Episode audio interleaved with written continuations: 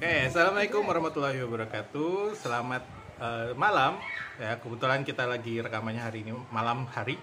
Ya, selamat datang di Info Coffee Break. Di sini ada kita berempat. Ya, saya sendiri adalah Ilman dan di sini juga ada apa eh, pakar pertama dari followership di Indonesia ya di Indonesia yaitu Mas Muhsin Budiono Halo Ilman. ya lalu ada apa koordinator Infolco Mas Kiki Halo, selamat malam. Assalamualaikum.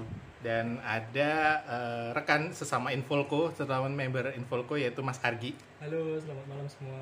ya eh, hari ini kita akan membahas hal yang baru-baru ini lagi viral yaitu eh, cuti atau sakit cuti sakit izin sakit apakah iya nyebotase perusahaan atau pekerjaan kita bukankah eh, ada ham mungkin? Atau eh, mungkin ada permasalahan yang lain misalnya?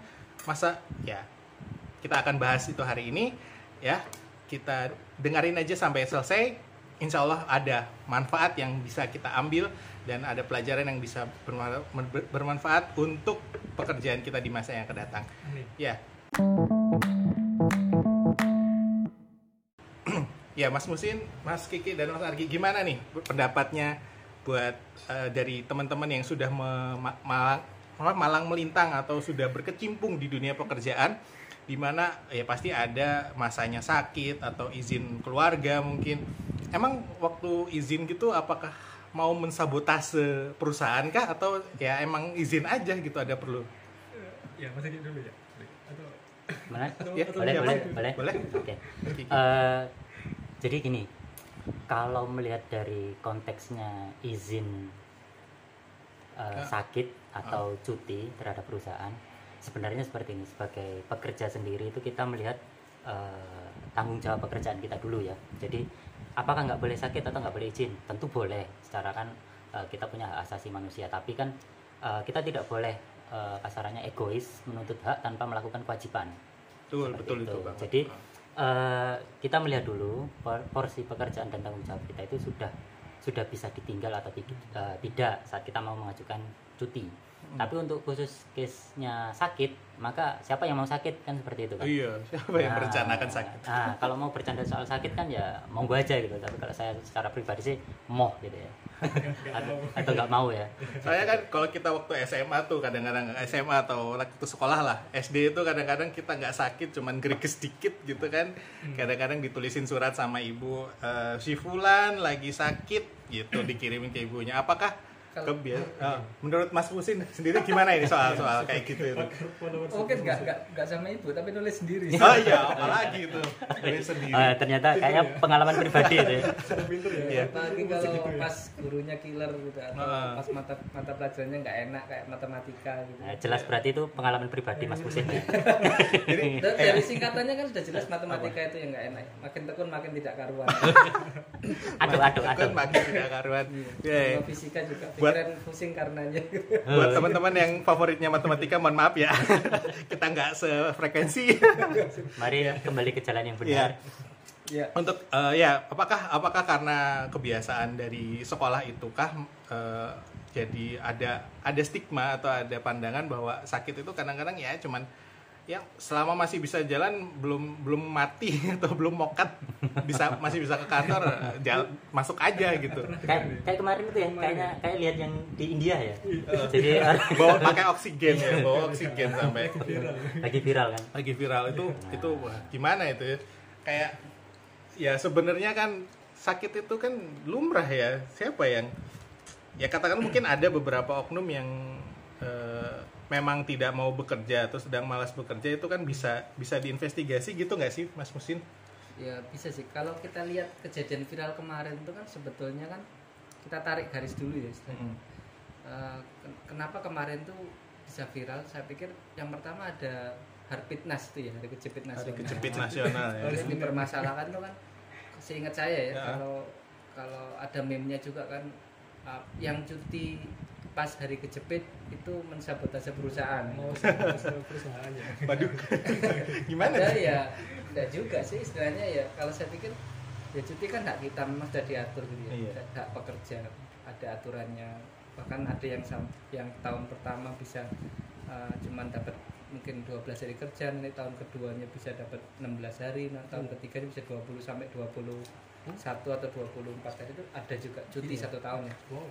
cuti besar nanti di Cuti tahun besar. di tahun keempat akan kembali lagi cuti kecil nah beberapa teman-teman pekerja itu biasanya kalau mau ngambil cuti itu kadang gini apa ya kurang bisa melihat situasi eh, atau bukan situasi kalau situasi kan di situ ya Ah, Sin- situ. siniasi. siniasi siniasi Oh, siniasi. belum nggak bisa melihat eh, ini apa istilahnya emosional dari atau emosional atasan ya, oh atau emosional pak atasan istilahnya ya. moodnya moodnya atasan gitu ya. Ah, ah. saya, saya kalau mau menganalogikan gini eh, ibu kita pulang dari kantor, Kantor. gitu ya. mama sorry kita lah kita pulang dari kantor Oh. kemudian menemukan anak kita ternyata dua orang ya itu eh, tidak tidak mencuci bajunya sendiri Oh. atau baju yang sudah kita cuci dari tadi malam ternyata sama, sama anak kita dibuat mainan terus kondisi rumah berantakan. gitu kan.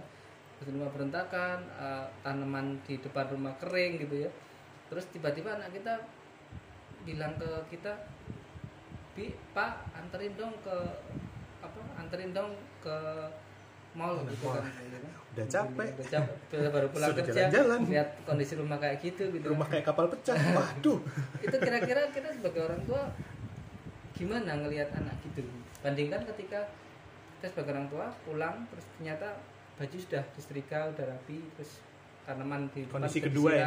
iya. kondisi kedua. Terus kon- sepatu nggak berserakan rapi gitu ya tempat tidur juga rapi ya. Wah, idaman banget ya kita anak kita bilang gitu ya kita pasti akan mengiyakan ya udah ayo kita antar ke mall kalau, kalau perlu ya beli beli donat atau apa gitu. Nah sama juga di perusahaan kan gitu mau kita mau ambil cuti ternyata pekerjaan kita belum beres.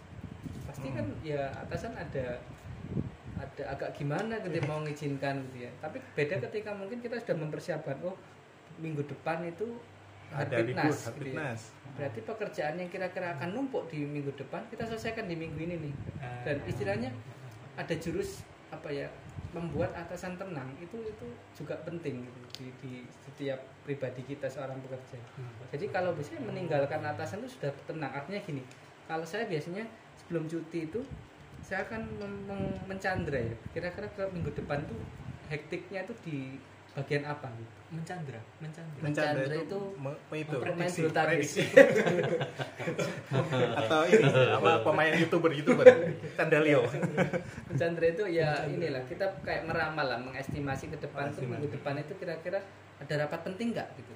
Kalau ada rapat penting apa yang perlu disiapkan? Kira-kira bos kita itu minta data ke kita apa gitu? Itu kita bisa kita bisa tahu jadwalnya itu. Nah ketika minggu depan itu kira-kira nggak ada pertemuan penting kemudian atasan kita juga eh, istilahnya nggak mendelegasikan tugasnya ya ke kita dengan dengan banyak gitu ya.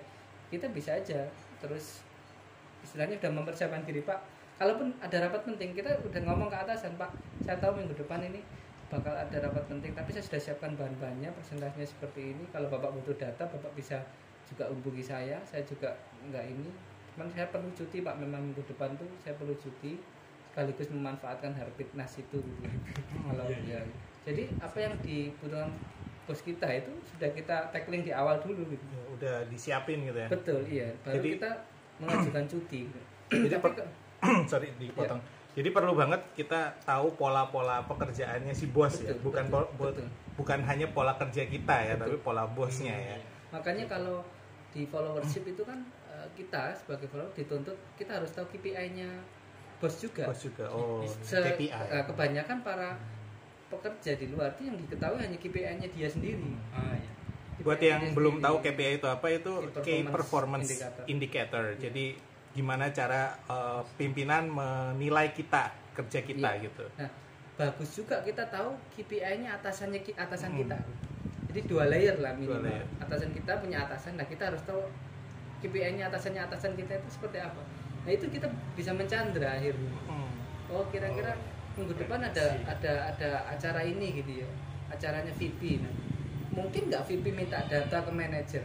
mungkin pasti ya Eh, kalau manajer itu atasan kita ya kita harus siap gitu Siap, betul. atau manajer manajer mungkin nggak minta ke asisten manajer nah kalau atasan kita adalah atasan asisten manajer ya kita harus juga siap itu kira-kira apa nanti yang diminta gitu. ada hubungan dengan pekerjaan saya nggak kalau rapatnya katakan katakan saya di bagian distribusi gitu ya Oh, distribusi. Nah, apakah besok rapatnya itu banyak menyinggung tentang distribusi?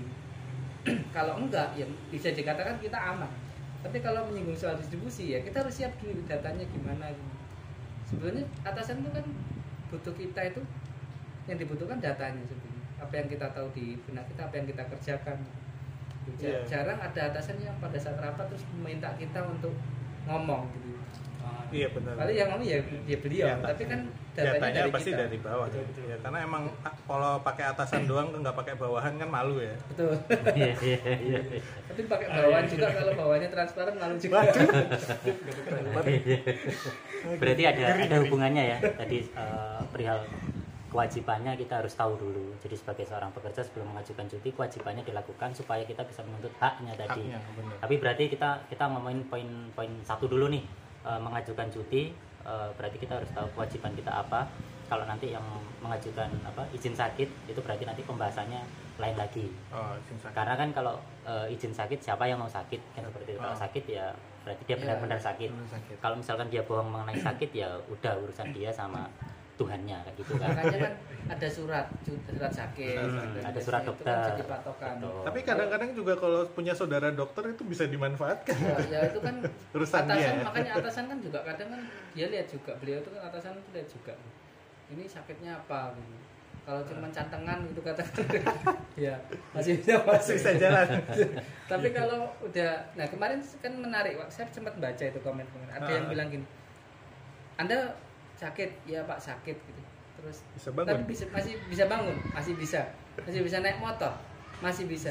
Berarti masih bisa kerja. Lah, kalau diare gimana? kalau diare kan bisa kecipirit kan? Di di motor itu kan repot juga. Kan tetap bisa jalan gitu memang bisa diare bisa jalan tapi kan ya, ya ini juga resiko juga. Kalau sampai dehidrasi kekurangan cairan di iya. di kantor kan repot. Eh, ada ada satu situasi yang saya pelajari di dunia kerja seperti ini ya. Jadi mau nanti koreksi kalau misalkan nggak pas ya. Jadi eh, seorang pekerja atau followership di mana dia telah melakukan kewajibannya dengan sangat baik, lebih dari SOP bahkan eh, saat dia sakit, saat mengajukan izin sakit maupun izin cuti, saya pikir dia tidak akan mendapatkan kesulitan yang berarti dari perusahaan maupun dari atasan. Berbeda dengan eh, pekerja atau followers yang eh, anggang-anggang apa ya bahasanya ya Yang tanggung pas-pasan, gitu. tanggung. Ah, pas-pasan Pas-pasan. laksanakan jangan kan ngomong eh, SOP ya jadi SOP jauh dari ya. SOP yang dia lakukan Hmm. kayak gitu loh jadi eh, bisa bisa kita tarik eh, kesimpulan bahwasanya saat kewajiban itu dilakukan sama seorang pekerja atau followers maka saya pikir eh, dia tidak akan mendapatkan kesulitan yang berarti untuk mengajukan izin maupun eh, izin cuti maupun izin sakit ya gitu ya Mas Muksin Nah, jadi kuncinya itu gini bekerja dengan baik saja tidak cukup tidak cukup benar Ya, ya. kita harus pastikan atasan kita tahu kalau kita bekerja dengan baik Hmm, nah bukan bukan bukan menjilat ya Ya. Jilat beda ya Beda ya. Jadi kalau kita sudah bekerja dengan baik, sa- satu PR lagi buat kita adalah bagaimana atasan tahu kita sudah bekerja dengan baik. nah itu kiat-kiatnya gimana tuh supaya uh, Banyak. bos kita kiat-kiatnya. tanpa tanpa kelihatan menjilat gitu tanpa kelihatan menjilat. Contoh gini, eh, kita sudah menyelesaikan eh, istilahnya eh, apa ya istilahnya kalkulasi tentang Pasti eh, data. laporan lah ya. Data Kita triwulan sudah- misalnya. Ya, laporan triwulan kita sudah kerjakan itu. Ya kita bisa eh, ini saja apa pada saat weekly meeting kalau di weekly meeting lapor gitu, Hmm. Gitu. atau mungkin kalau atasannya nggak tanya gitu ya ya kita bisa istilahnya me- menanyakan hal-hal yang memang jadi kendala kita pada saat kita ngerjakan itu contoh pak di kita sudah ngerjakan laporan weekly meeting pak semua sudah oke perhitungannya sekian cuman kemarin kelihatannya eh, nanti pada saat kita presentasi ada hubungannya dengan fungsi X fungsi sales atau Sales, fungsi teknik gitu ya. Bisa enggak pak? Eh, kami minta tolong eh, itu bapak jembatani dulu dengan manajernya fungsi teknik supaya nanti pada saat kita presentasi mereka nggak kaget gitu kan. Nah itu kan berarti kan kita oh iya, berarti anak ini atas kita bisa melihat oh anaknya udah siap ya nanti dia pasti nanti ada masalah dengan fungsi teknik tapi dia nggak bisa nggak bisa langsung ngomong karena berbenturan dengan manajer. Jabatannya dia bukan manajer nah saya sebagai asisten manajer harus bisa bisa ini bisa Bisa menengahi itu gitu. Dan sebenarnya banyak hal gitu ya yang yang istilahnya bisa kita ini. Makanya ketemu rekan kerja yang klik itu juga butuh. Contoh Jadi- pada saat pada saat ngopi ngobrol bareng itu atau pada saat ada apa agenda-agenda yang non formal dengan atasan atasan bahwa teman kita yang sama-sama tim kita lah tadi, tim kita tuh bisa juga nyeletuk gitu misalnya kamu kok pucat sih yo habis ngerjain laporan ini ya tadi malam ya saya saya kan kan atasan kan mendengar gitu ya Ah. Iya. Kayak Jadi- gitu. jadi tiktokan antar rekan kerja juga perlu Jadi pada ke kalau kita bilang kayak updating info gitu mas ya ke, ke atasan ya jadi eh, tentang pekerjaan yang telah dikerjakan Iya. dan pekerjaan itu tidak hanya yang kita kerjakan tapi pekerjaan itu dikorelasikan atau dihubungkan sama pekerjaan eh, ibaratnya fungsi tersebut gitu loh. betul Terus ini mas eh, apa namanya? oh iya Eh, satu lagi ya ngomong belum lupa Iya. Eh, biasakan laporan ya teman-teman ya maksudnya Oh, iya, gini laporan. contoh nih contohnya yang dulu saya kerjakan kalau atasan kita ngirim kita untuk kursus gitu ya Ah, itu kan tugas khusus tugas tugas khusus keluar mau kedinasan Ah, mau benar. mau merek mau atasan kita mendelegasikan mama beliau nggak bisa ikut rapat di Jakarta Hmm. gitu ya. Terus mendelegasikan kita. Kamu aja yang berangkat. Oh, atau dinas luar gitu mas? bisa Dinas atau luar. ya? kursus. Eh, ini ada kursus bagus nih mungkin ikut ya kursus ini gitu. Oh iya pak. Makasih pak sudah ikutkan saya. Itu kan nggak nggak menghina nggak nggak istilah nggak menjilat ya? Hmm. nah biasanya teman-teman pekerja itu lupa gitu untuk Oh, untuk melapor. Contoh gini. Kita udah kursus gitu ya ke Jakarta. Itu biasanya kalau saya pribadi dulu set, udah sampai Jakarta ya report lah sudah sampai Jakarta udah ada di hotel Eh, istilahnya mohon doa Pak supaya kursusnya besok lancar gitu. Udah. Ah. ini kalau ya, Ah, nah terus- sekaligus nyambung ini mas pada oh ya saat ah, ah. pada saat Lanjut, Mas. kursus juga sama kita report Pak hari pertama keren materinya ini ini ini ini gini ya. terus apa istilahnya materinya ini ini yang ikut sekian ratus orang gitu kan terus nanti sampai di hari terakhir Pak saya peringkat dua alhamdulillah di di ini Di, kan? ah, di kursus itu di kursus itu peringkat dua Oh, gitu. Dapat hadiah ini Pak gitu. Terus pulang ke rumah eh pulang ke kota tempat ke kerja tempat lagi. kerja ah. jangan lupa gitu. Pak makasih kesempatan berikan kursus ini materi kursusnya. Diminta atau tidak diminta tetap kirim ke beliau. Yang sudah saya resume yang sudah saya rangkum. Sudah dirangkum. Harapan saya bapak bisa eh, mungkin ini bisa manfaat juga untuk teman-teman lainnya. Nggak usah nggak usah bilang pak tolong sebarin ke teman-teman lain. Nggak Ah. harap semoga ini bisa manfaat juga pak untuk teman-teman lainnya. Kalau atasan kita peka dia pasti tahu. Harus pasti beliau yang akan nyebarkan. Nanti itu di grup WhatsApp biasanya ini ini oleh-oleh dari Mas Muksin kemarin kursus. Langsung disebar gitu kan. Materi yang disebar. Bukan oleh-oleh apa oleh nah menjadi menji- menjilat sedikit kalau kita pulang dari kursus terus kita bawa Bawa oleh-oleh beneran yang Berarti Ka- tapi kalau bawa oleh-olehnya rata artinya tidak hanya untuk atasan kita nggak Oh, masalah iya, iya. yang jadi masalah kan bawa oleh-oleh cuma ke Atasan atasan kita gitu. rekan kerja lain nggak dikasih fungsi lain nggak dikasih gitu. berarti reporting itu tidak hanya pada pekerjaan yang kita lakukan atau pekerjaan yang terkait dengan fungsi kita, tapi reporting itu juga bisa kita berikan saat kita dikasih kesempatan untuk mengikuti kursus ya mas. ya? Betul. Iya. dan termasuk reporting pada saat cuti Nah, ini yang kadang Ah. teman-teman kurang kurang ini ya, peka juga Iya, iya. Ah. jadi biasa kan pada saat cuti pak saya memang sebetulnya pada saat cuti besok saya nggak pengen diganggu tapi melihat tadi karena minggu depan ada meeting penting saya nggak ada masalah pak HP saya 24 jam kalau memang dibutuhkan Ah. untuk data dan sebagainya nggak nggak apa-apa pak Iya sih. Nah, Benar. bisa juga gini pada saat kita cuti di rumah kita tunjukkan kalau bahwasanya kita juga care atau khawatir terhadap rapat itu Hmm. mungkin kita bisa WhatsApp satu jam sebelum rapat Pak gimana Pak ada yang bisa saya bantu atau datanya sudah komplit semua atau kita Hmm, iya. kontak rekan kerja kita Hmm. yang nggak cuti dia rapate dia persiapan rapatnya oke semua enggak. Hmm. kalau kalau ada yang perlu tak bantu ya ya istilahnya don't hesitate lah jangan Jangan, jangan ragu untuk Iya. ngomong gitu. Nah, biasanya kayak gitu tuh yang eh, muncul pe- pemikiran waktu ngirim gitu gini mas waduh nanti kayak aku kerja tambah piye? Iki kan Nah, gak betul. liburan nih ya gitu loh. Nah, itu kan biasanya jadi menghambat untuk melakukan seperti itu mas. Iya, apa makanya keterbukaan penting. Kalau memang kita mau nggak mau di- mau nggak diganggu pada saat cuti ya ngomonglah ke atasan. Oh, pak gitu ya. saya besok itu family time dengan anak saya mungkin ngajak renang sehingga nggak mungkin renang bawa handphone kan. Nah ini eh, kalau boleh Mas Ilman sama Mas Muksin ini kan kebetulan eh, teman kita kan Mas Arki ini ada di eh, apa bidang pekerjaannya ada di sekolah Jepang ya nah sekarang gini mungkin ini tadi yang kita bahas kan eh, yang terkait sama budaya yang sudah biasa gitu atau apa terjadi di Iya, iya. eh, di Indonesia, gitu. Indonesia, Nah, oke. otomatis lingkungan eh, pekerjaan di mana banyak orang-orang Jepang atau orang luar itu pasti kan mem- memiliki budaya yang berbeda. Beda, Nah, masih kita harus ngorek Arki ini kalau iya. gimana Arki Gimana Mas Arki? Saya harus mulai dari mana ya? Hmm, kurang dekat kayak Oke. Coba saya mulai dari posisi oke. Jadi Posisi bertahan. posisi saya kan admin. Jadi saya mulai dari posisi saya aja ya. Uh, admin di sekolah Jepang Surabaya ini kira-kira kalau di sekolah negeri di Aha. Indonesia ini sama seperti TU. Mm-mm, TU, mm-mm. ya. Jadi uh, tugas kami di sini biasanya adalah me- menjadi jembatan. Jadi saya dan manajer saya, atasan saya, pas di atas Ya. saya, satu tingkatan di saya ini menjadi uh, jembatan sulit nggak kalau minta cuti Hmm. Uh, langsung ya. iya iya kita nggak sabar Tergantung timingnya mas. nah tergantung timingnya tergantung timing. Jadi nggak gimana sih kalau mau minta cuti Kurang ngisi lebih- forum dulu atau ngisi iya ngisi ngisi formulir dulu. Hmm. Ya, kurang lebih mungkin sama. Dan tadi yang seperti mas mas Budi sampaikan, Mas Husin sampaikan, uh, uh, kurang lebih sama. Jadi uh, timing kita harus tahu. Kemudian job desk pada tanggal kita cuti itu ada job desk apa saja um, yang meliputi kita dan meliputi atasan kita serta kalau di posisi saya mungkin meliputi kegiatan sekolah juga ya. Jadi uh, ada ada juga posisi di mana uh, malah kita itu tidak bisa cuti atau bahkan tidak bisa sakit tidak boleh sakit.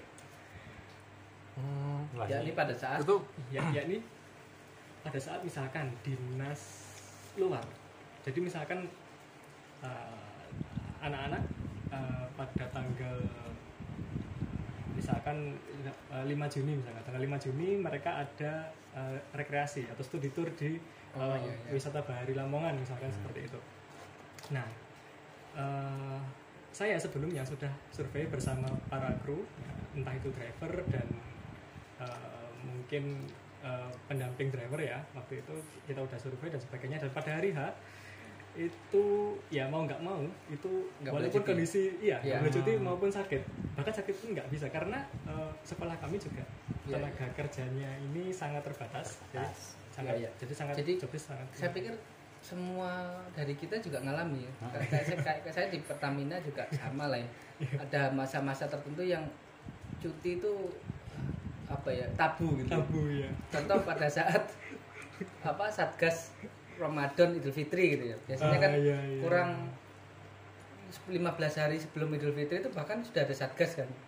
Nah, itu atasan kita biasanya ngomong gini ini bulan Ramadan ya teman-teman pintu-pintu apa pintu sur, pintu neraka ditutup rapat-rapat pintu cuti juga ditutup rapat-rapat. Ada ya ada ya. Iya, jadi itu kemudian pada saat satgas tahun baru itu ya nggak mungkin kita minta cuti kalau di Pertamina gitu. sama itu di PLN sama di Telkom Betul, juga sama pasti itu kayak gitu. pasti gitu Tapi pelayanan gini, masyarakat Eh, iya, kalau iya, kalau pasti. kita kita kita pernah lihat eh, di di media ya, di media bahwasanya ya bisa bisa media televisi maupun media online yang lainnya atau bahkan di komik atau di di film-film kartun kayak gitu ya ini kita masih ngomongin eh, aku aku masih tertarik sama tentang budaya Jepang nih kalau kita tahu orang Jepang itu kan saya eh, sangat apa ya workaholic ya workaholic ya Iya, workaholic ya. betul, Jadi betul. eh, seperti kayak yang dipaparkan sama Mas Ardi tadi, bahwasanya saat sudah eh, diplot untuk satu acara maka pada hari H itu kita nggak boleh sakit, Nggak boleh ya sakit. nggak boleh sakit gitu. Dan sepertinya gini, eh, ada ada ada yang pernah saya lihat bahwasanya saat dia sakit pun dia harus tetap bekerja, iya Masuk. lah. tetap masuk, tetap iya. tetap mengikuti acara tersebut. ya. Men- istilahnya apa ya proof proving ke depan atasan Betul. dia lagi kondisi Ah. menggigil atau Nah, dan nanti mungkin mungkin ya mungkin ya saat saat sudah di on the spot eh, di acara tersebut mungkin nanti ada yang yang membantu. Jadi mungkin dia hanya entah itu pengantar entah itu yang penting dia ada di situ gitu. Entah tapi itu. kalau di musim pandemi gini apa nggak repot juga. Nanti mama dia katakan flu ternyata positif covid gitu. Kan oh kalau untuk mm, masa pandemi kemarin yang yang yang pada masa puncak-puncaknya kami sekolah ya Off. online off off Offline. offline dan dan kami menggunakan Online. sistem shift seperti pada umumnya perusahaan di Indonesia. Hmm. Berarti eh, apa? Boleh boleh kita bilang hampir sama ya. Hampir sama ya. Di mana misalnya kalau kita menerapkan sebagai seorang followers yang baik, maka Iya. tidak akan ada masalah saat kita mengajukan cuti maupun kita melakukan eh, atau meminta izin saat sakit. ya karena eh, tadi atasan tahu kita ini kerjanya kayak gimana gitu kan. Atasan kenal kita kemudian juga atasan tuh tahu ya tadi kerja kita prestasi kerja kita gimana. Dikasih tugas pasti selesai. nah, ya beda ketika atasan kita nggak kenal gitu. Punya anak buah 20 orang katakan. Iya. itu pasti aja ada dua tiga orang yang ya kerja as usual gitu. Nggak nggak Iya. dikenal sih. Nggak tahu kan istilahnya paling atasnya cuma tahu namanya cuman cuman kehidupan pribadinya gimana dia kalau lagi lagi stres kerja itu dia sikapnya kayak gini apa kan nggak hafal gitu.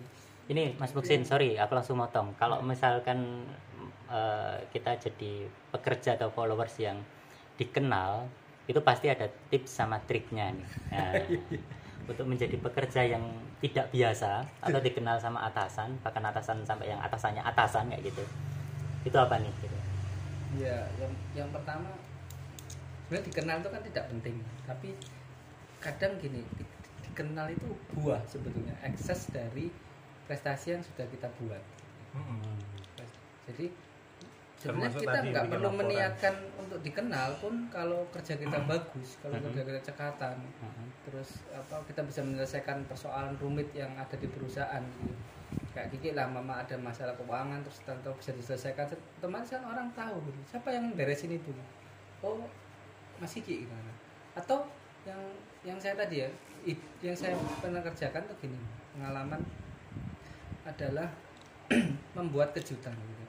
Orang itu kan dilihat luar biasa bukan karena dia itu orang kuat atau orang yang bukan karena Superman Betul, tapi karena dia sering memberikan kejutan-kejutan, itulah orang yang menarik. Jadi kalau buat saya pribadi menarik adalah pribadi yang mengejutkan.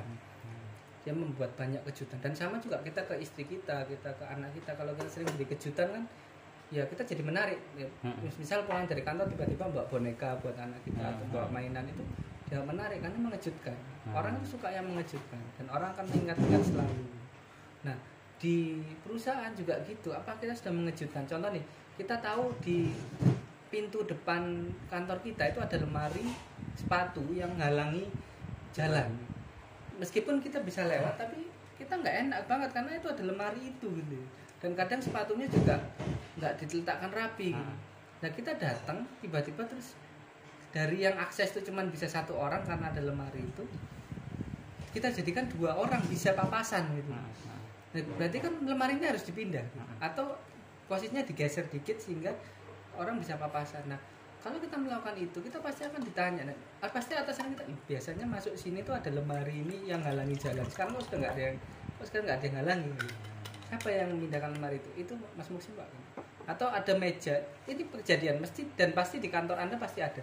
Ada satu meja yang itu nggak punya siapa-siapa, bukan punyanya orang. Hmm, Meja itu hmm. kosong lama Betul, gitu ya betul, betul. dan itu biasa ditaruh ditaruh dokumen, Dokumen, ditaruh kertas ditaruh itu. map-map atau Hmm, barang-barang hmm, yang iya. yang itu sebenarnya nggak tahu punya siapa gitu Mini Betul, gudang betul, gitu ya. betul, ya kayak betul, jadi betul. gudang mini gitu. Iya, betul. ketika anda mencoba memecahkan masalah itu membereskan itu atau membuat itu rapi diganti dengan dengan pot bunga diganti dengan apa yang indah itu pasti orang akan ngerti nanti atasan mas "Loh, biasanya lewat sini nih berantakan. Kok sekarang enggak gitu? That's make a difference. Jadi itu yang menurut saya mengejutkan.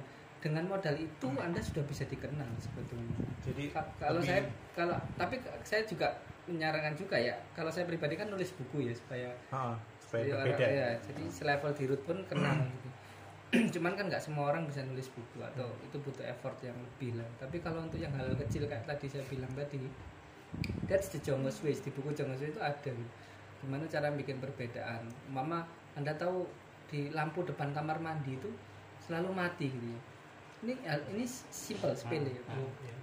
lampu depan kamar mandi kantor selalu mati dan gak ada yang peduli itu tiba-tiba anda peduli anda beli lampu harga cuma 15.000 pasang sendiri di situ tahu-tahu nyala atau atau apa ya di di kamar mandi anda nggak pernah ada yang namanya eh, camper yang camper yang berbola camper bola bola, gitu. itu Hmm. ya. dan dan anda tiba-tiba ketika anda masuk situ itu ada. Ya anda belikan. Memang harus berkorban ya. Dalam sebulan mungkin anda berkorban dua puluh ribu tiga ribu untuk untuk kenyamanan banyak orang. Saya pikir itu tidak ada masalah. Kalau ini mas kira-kira ini masuk nggak? Eh, jadi kalau di tempat saya kan setiap tahun ada guru yang pulang. Eh, lepas dinas selesai dinas. Selesai masa dinas. Nah pada masa itu biasanya eh, orang-orang ngasih kenang-kenangan kayak kaos atau atau mungkin kayak apa ya bingkisan seperti itu. Nah saya saya mencoba sesuatu yang baru yaitu saya bikin eh, karikaturnya mereka. Bagus. Itu kira-kira gimana bagus nggak? jadi dikenal ya itu bagus. Intinya kan gimana orang kenal kita? Apa yang dikenal? Positifnya apa negatifnya? Dan dan banyak hal loh teman-teman yang bisa dilakukan. Contoh ya saya saya waktu di Pertamina Corporate University ya apa? Saya ngelihat gini oh teman-teman suka masak mie.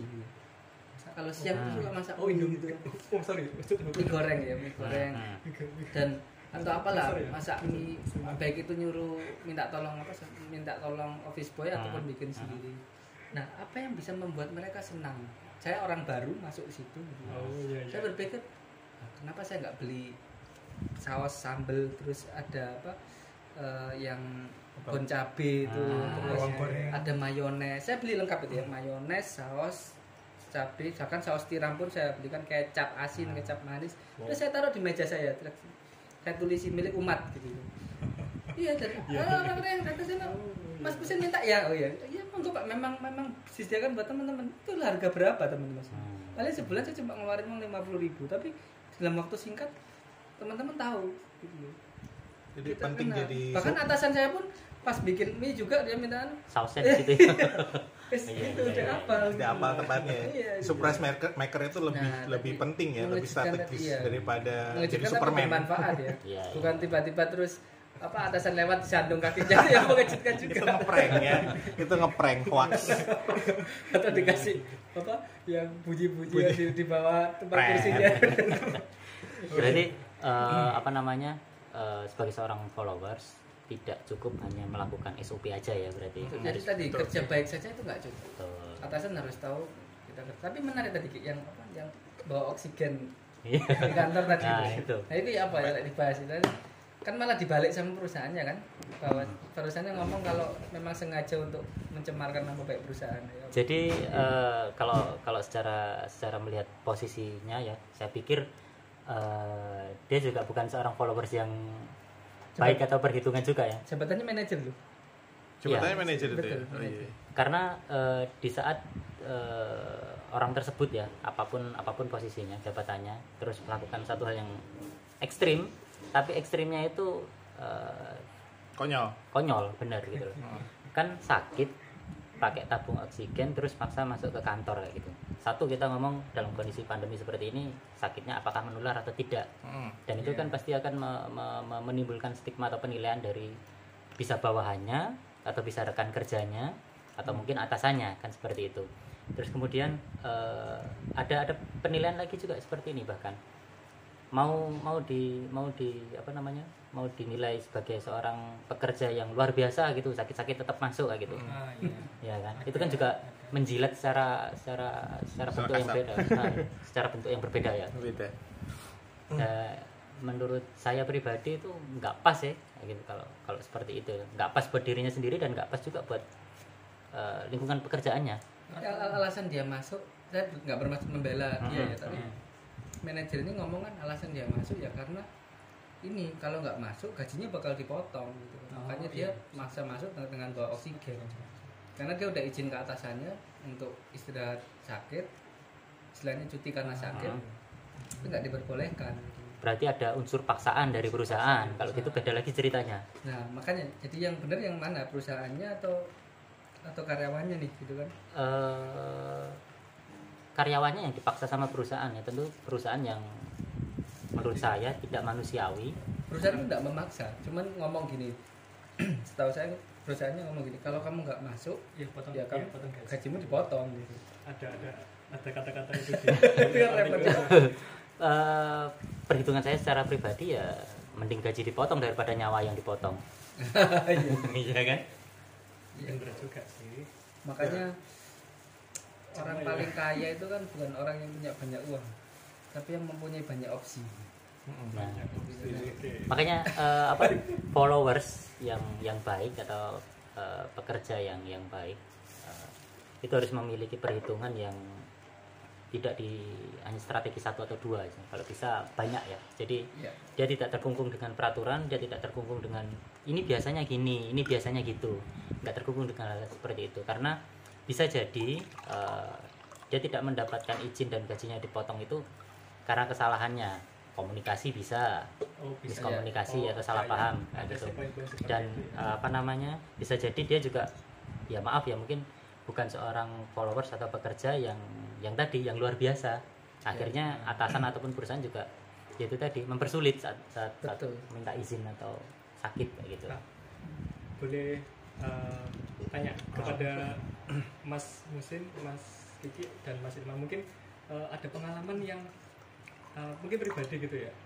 Ada nggak posisi di mana seketat-ketatnya sebuah aturan di perusahaan kalau misalkan kita bisa memberikan sebuah eh, kontribusi yang luar biasa ataupun kita bisa berkomunikasi secara secara bagus kita bisa eh, apa ya menekuk secara halus ya? Menekuk atau meminta ke, meminta kekhususan ketika kita mengalami suatu eh, kondisi yang yang yang membuat kita kesulitan untuk masuk kerja seperti itu seperti di di kasus pria India tadi manajer dari India tadi. Gimana? Aku dulu. Iya. Jadi eh, gini. Eh, kita akan balik eh, ke ke awal pembicaraan tadi ya di mana kalau kita sebagai seorang followers atau pekerja Hmm. sudah melakukan pekerjaan lebih dari SOP yang ada maka saya pikir kita tidak akan kesulitan. Tapi dengan catatan kita tahu juga eh, timing untuk komunikasi dengan atasan maupun dengan perusahaan. Seperti itu sih. Jadi makanya eh, di di Infolco atau di di followership ini kita sama-sama belajar untuk menjadi seorang followers atau pekerja yang luar biasa. Jadi kalau pekerja atau followers yang biasa aja di luar sana itu udah banyak tapi yang luar biasa nah itu yang yang apa namanya yang menjadi pilihan buat eh, teman-teman sekalian. Seperti itu Mas Arfi oke. Jadi eh, review lagi. Kalau kita melaksanakan kewajiban pekerjaan kita itu sudah luar biasa dan komunikasi kita itu juga luar biasa saya pikir nggak ada kesulitan di situ. Betul. Ah, Google itu pernah meneliti 180 tim dalam waktu 2 tahun melibatkan sekitar mungkin berapa ya, 3 ribuan orang. Namanya proyeknya itu proyek Aristotle. Proyek Aristotle. Ya, itu sekitar tahun 2016 kalau nggak salah atau 2000 berapa lah lupa saya nah, proyek Aristotle ini eh, hasilnya adalah orang bisa sebuah tim bisa bagus itu karena ada yang namanya psychological safety secara psikologis dia itu aman Rasa dari, aman. iya, dari- rasa aman dari rekan kerja dari dari atasan dari lingkungan kerja tidak dibully dan sebagainya gitu. Rasa aman ini. Nah the ultimate resultnya adalah untuk jadi apa istilahnya untuk jadi untuk bisa menampilkan kinerja tim yang bagus itu ternyata kuncinya cuma satu gitu kata Google. Apa? Being nice. Menjadi oh, menjadi naik. jadi kunci untuk tim yang solid itu cuman being nice. Kita being nice ke being nice ke rekan kerja kita jadi being nice ke atasan kita ada teman kita yang kesulitan kita bantu ada yang teman kita yang apa istilahnya kelihatan capek ya kita pijetin mungkin gitu pokok bukan lain jenis gak apa-apa. Gitu. eh, kalau iya. mau kan ya. Ya, ya maksudnya ya atau kalau lanjut ya kita tawari self care. Eh ini Self mereka nggak boleh ya? Tolak angin gitu kan. Eh tolak angin juga ya? Minuman herbal. Ya, minuman herbal gitu gitu obat oles. Artinya kita being nice lah gitu. Ada teman kita yang kesulitan di parkiran sepeda ya. motor kita cuek aja. Ada teman kita yang motornya bermasalah pada saat ini padahal kita sama sama di tempat parkir itu kita juga cuek gitu nggak being nice gestur ini ya gestur gestur Iya, kebaikan artinya- itu ya harus kalau dibiasakan. kalau kita orang baik di tempat kerja kalau kita suka suka membantu orang itu saya yakin lah. Ketika kita mau cuti atau ketika kita sakit pak saya benar-benar sakit pak gitu. Itu nggak harus sampai bawa oksigen ke kantor kita udah tahu mas mas mesin eh, atau udah lemas nggak usah masuk dulu nggak apa-apa. Kalau memang kita orang baik ya misalnya itu pasti atasan dan rekan kerja pasti akan melindungi kita juga gitu Dalam kimia itu juga ada apa hukum likes dissolve likes. Jadi eh, suatu sifat akan berbaur dengan sifat yang sama gitu kan. betul Jadi Iya. ada ini ada ada ada satu cerita sorry Mas Ilman yang motong sedikit jadi ada seseorang di tahun 2018 kalau nggak salah dia itu seorang pekerja pekerja biasa dia dia hanya seorang ADM Eh, kemudian dia eh, menderita satu penyakit yang sangat parah. Jadi dia tidak bisa ngapa-ngapain bahkan dia hanya bisa tidur. Dan dia selama tiga bulan dia tidak bisa bekerja. Nah eh, alhamdulillahnya adalah ternyata selama tiga bulan tersebut teman-temannya itu bahu membahu untuk menutup semua pekerjaannya dia. Dan alhamdulillahnya juga ternyata dia masih diberi kesempatan hidup yang kedua. Dan dia bisa kembali bekerja berarti eh, langsung kesimpulan singkatnya adalah berarti dia sudah melakukan sesuatu yang lebih dari biasa sehingga sampai teman-temannya atau rekan kerjanya bahkan mungkin pimpinannya berusaha untuk melindungi dia sehingga dia tidak sampai dipecat saat dia tidak bisa masuk kerja selama tiga bulan tiga bulan. tiga bulan Tiga bulan. hari. iya kayaknya saya kenal tuh orangnya saya pernah mengerti ceritanya kayak gitu nah, Kayak kenal. Nah, berarti kan eh, apa namanya bisa bisa kita ambil kesimpulan bahwa berarti orang tersebut itu sudah melakukan hal yang luar biasa buat eh, perusahaannya atau mungkin buat rekan kerjanya atau mungkin eh, apa namanya ada artinya buat buat teman-temannya sehingga semuanya bahu membahu untuk menyelamatkan pekerjaannya dia istilahnya seperti itu. Hmm, wah, cerita yang sangat inspiring ya. mengharukan Kalau Jadi- mau dibahas detail saya mungkin nanti di kesempatan yang lain ya. siapa Bisa DM Mas itu. Kiki juga kalau misalnya mau tahu. Iya. IG-nya di IG-nya ya nantilah ya, gampang ya. ya. Jadi kesimpulannya eh, pembicaraan kita hari ini adalah eh, cuti atau cuti sakit terutama ya. Itu enggak sih, enggak semuanya cuti sakit itu sabotase Sabotase. gitu ya. Nah, gimana caranya kita ambil cuti itu adalah yang jadi historical kita yang penting daripada cutinya itu sendiri. Apakah kita itu eh, ber apa melakukan kewajiban dengan baik gitu ataukah kita hanya ya cuman sekedarnya aja atau malah mungkin mental yang alah ini aja gampang ah itu itu adalah eh, mungkin mindset mindset yang perlu kita rubah sebagai followership sebagai SDM dari Indonesia ini supaya bisa lebih maju ya. Kita harus eh, ya walaupun mungkin punya nah nanti kita mungkin akan ada pembahasan tentang gimana sih ngadepin bos yang suka bikin sakit hati gitu ya. Atau mungkin eh, apa eh, teman-teman yang kurang cocok sama kita. Nanti kita akan ada pembahasan-pembahasan di episode episode selanjutnya ya. Boleh Ya, kalau mau tanya-tanya bisa ke Instagram kita ya di followership.id ya. Nanti akan ada juga di deskripsi podcast ini ya. Eh, sekian mungkin eh, pembahasan malam kita hari ini. Udah 43 menit ini wah masya Allah. Dilewati. Udah hampir udah hampir 45 menit kita eh, berbincang-bincang ya. Nggak nggak kerasa loh ini. Kerasanya kayak cuman ini 15 15 menit lah gitu ya.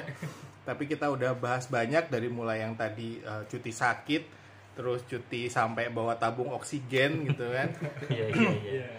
ya itulah kesimpulannya jadi kita harus eh, harus utamakan kewajiban dulu sebelum kita nuntut hak kita gitu Betul, nanti betul. atasan itu kan sama-sama manusia lah pasti Iya. pasti mereka bisa tahu gitu lah jadi untuk eh, atasan-atasan yang bilang kita mau sabotase itu itu cuman ya cuman se- sedikit curcol bahwa kamu itu kerjanya kurang bagus gitu Betul. Ya Oke. oke sampai jumpa di episode di episode lain ya Selanjutnya. ketemu lagi di episode lain Infolco Infolco free break ya assalamualaikum warahmatullahi wabarakatuh